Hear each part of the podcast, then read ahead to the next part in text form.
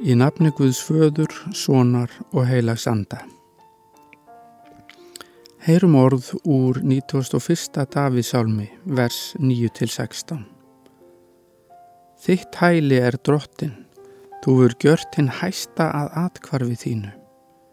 Engin ógæfa hendir þig og engin pláa nálgast tjald þitt, því að þín vegna býður hann út englum sínum til þess að gæta þín á öllum vegum þínum.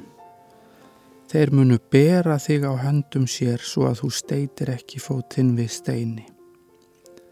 Þú mun stíga yfir ljón og nöðru, tróða fótum ungljón og dreka.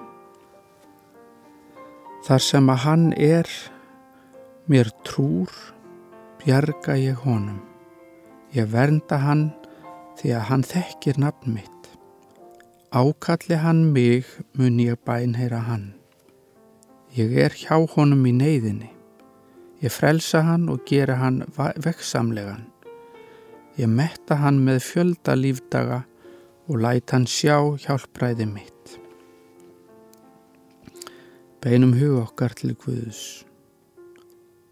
Elsku ríki fadir á himnum, ást þín til mín er svo djúpað ég fæ ekki skilið hana og umhyggja þín fyrir mér vekur hjá mér þakklæti og gleði.